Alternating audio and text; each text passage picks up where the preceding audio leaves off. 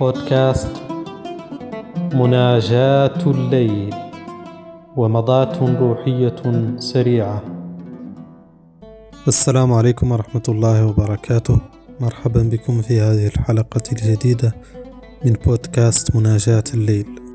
الليلة أيها المستمعون الكرام سأحدثكم عن موضوع أعتقد أنه مهم جدا. آه، ألا هو موضوع النزعة الاستهلاكية.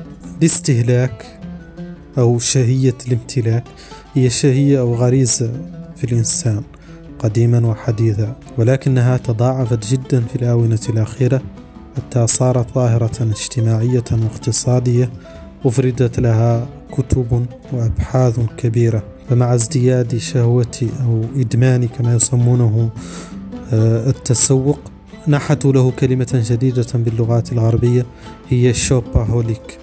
وهي من كلمتين شوب التي تعني التسوق ولاحقة أهوليك المرتبطة بإدمان الشيء مثل ألكوهوليك شخص مدمن للخمر بشكل مفرط. كذلك قاسوها عليها. ثم جعلوا هذه اللاحقة آه، في بعض الكلمات الأخرى مثل بوركاهوليك المدمنين على على العمل بصورة مرضية أو مبالغ فيها.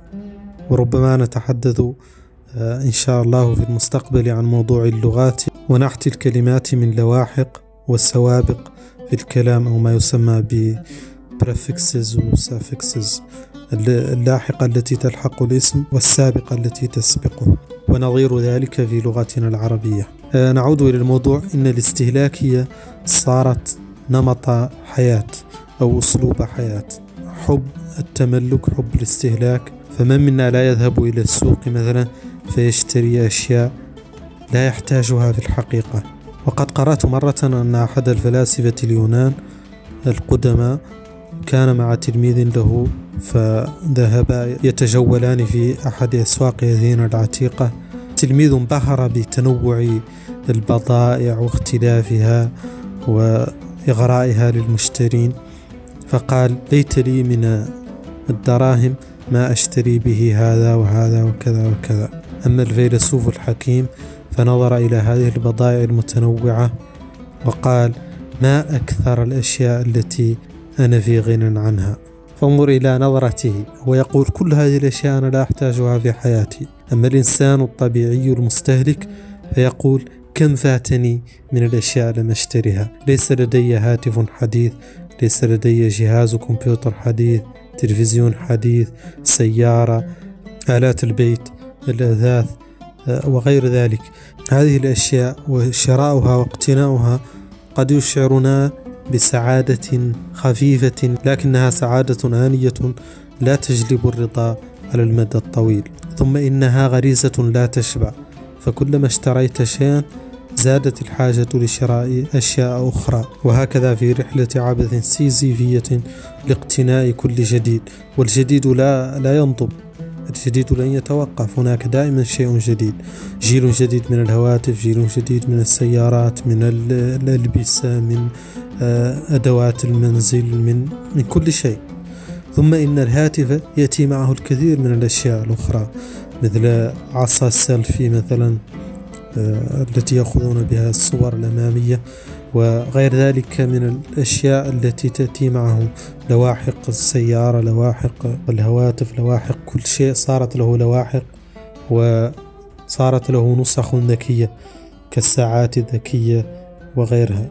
وقد ظهرت في الغرب حديثا ظاهرة أخرى تسمى minimalism وتسعى إلى الحد من ظاهرة الاستهلاك وحب التملك. هذه الفكرة واسمها منحوت جديد أيضا وكنت أبحث مع بعض الزملاء محاولة ترجمة هذا المصطلح minimalism أعتقد أن أقرب شيء إليه هو الكفاف أو العيش آه، بأقل ما يمكن.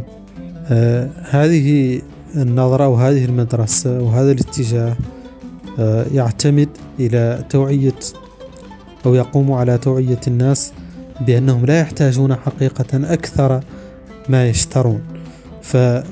فالبيوت البسيطة مثلا بالأشياء البسيطة والديكور البسيط أحسن بكثير من هذه الأشياء الغالية التي لا تدع لنا مساحة في بيوتنا. دولاب الملابس مثلا يكون مكتظا بالملابس الحديثة والقديمة التي لن نلبسها ولن نستفيد منها في أغلب الأحيان. فلنكتسب عادة أن نقوم كل فترة بتمييز وتقييم ما نحتاجه فعلا مما هو لدينا ثم التبرع بالباقي لمن يحتاجونه.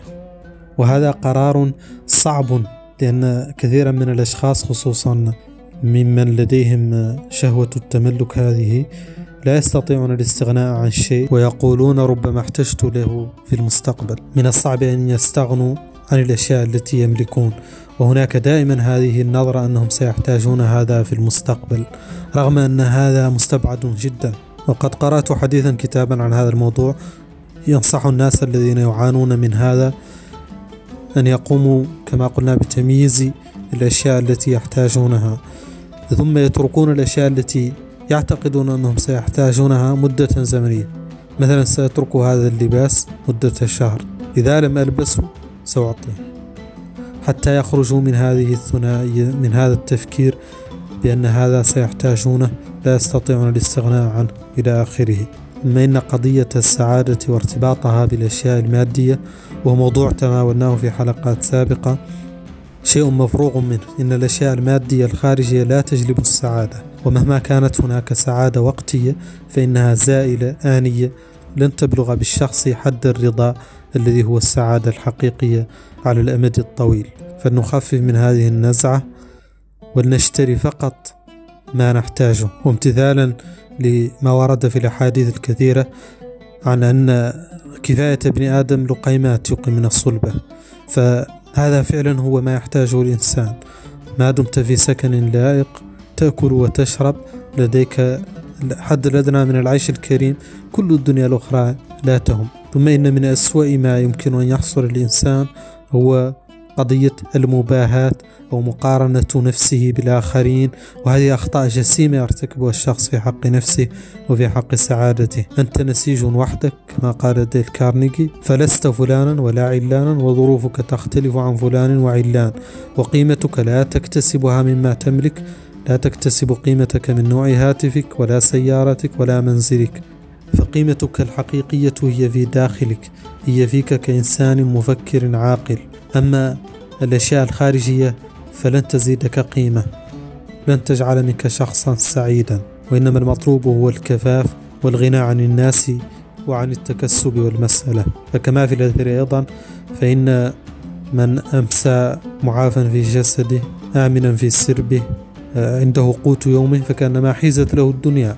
وهذا حقيقة وهذه هي الحقيقة باختصار. إن هذه النظرة الاستهلاكية تضر المجتمعات لها أضرار اقتصادية نفسية حتى على مستوى الفرد. ثم إن الشركات التجارية ونهمها التجاري يسعون دائما إلى إنتاج الجديد وجعل الناس تحس بأن هناك شيئا ما ناقصا في حياتهم إن لم يقتنوا هذا الهاتف.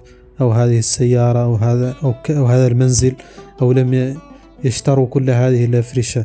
كل هذه الأشياء زائلة. فلنتفكر في أننا لن نأخذ معنا إلى القبر شيئا من كل ذلك. كل هذا زائل. كله أشياء لا تزيدنا قيمة. كلها أشياء خارجية سطحية متعلقة بالمظاهر. فلنركز في حياتنا على الأشياء المهمة الأشياء التي تجلب لنا السلام الداخلية ورضا الله سبحانه وتعالى ورضا الوالدين. ومساعدة الناس ففي هذا تكمن السعادة الحقيقية. وقد تناولنا موضوع التطوع في حلقة سابقة يمكن الرجوع إليها في هذا البودكاست. يبدو أن الوقت أخذنا كعادته. شكرا لاستماعكم الكريم. وسنخصص الحلقة القادمة بإذن الله لأسئلتكم وتعليقاتكم وردودكم الجميلة التي أتحفتموني بها. شكرا لكم. والسلام عليكم ورحمة الله وبركاته.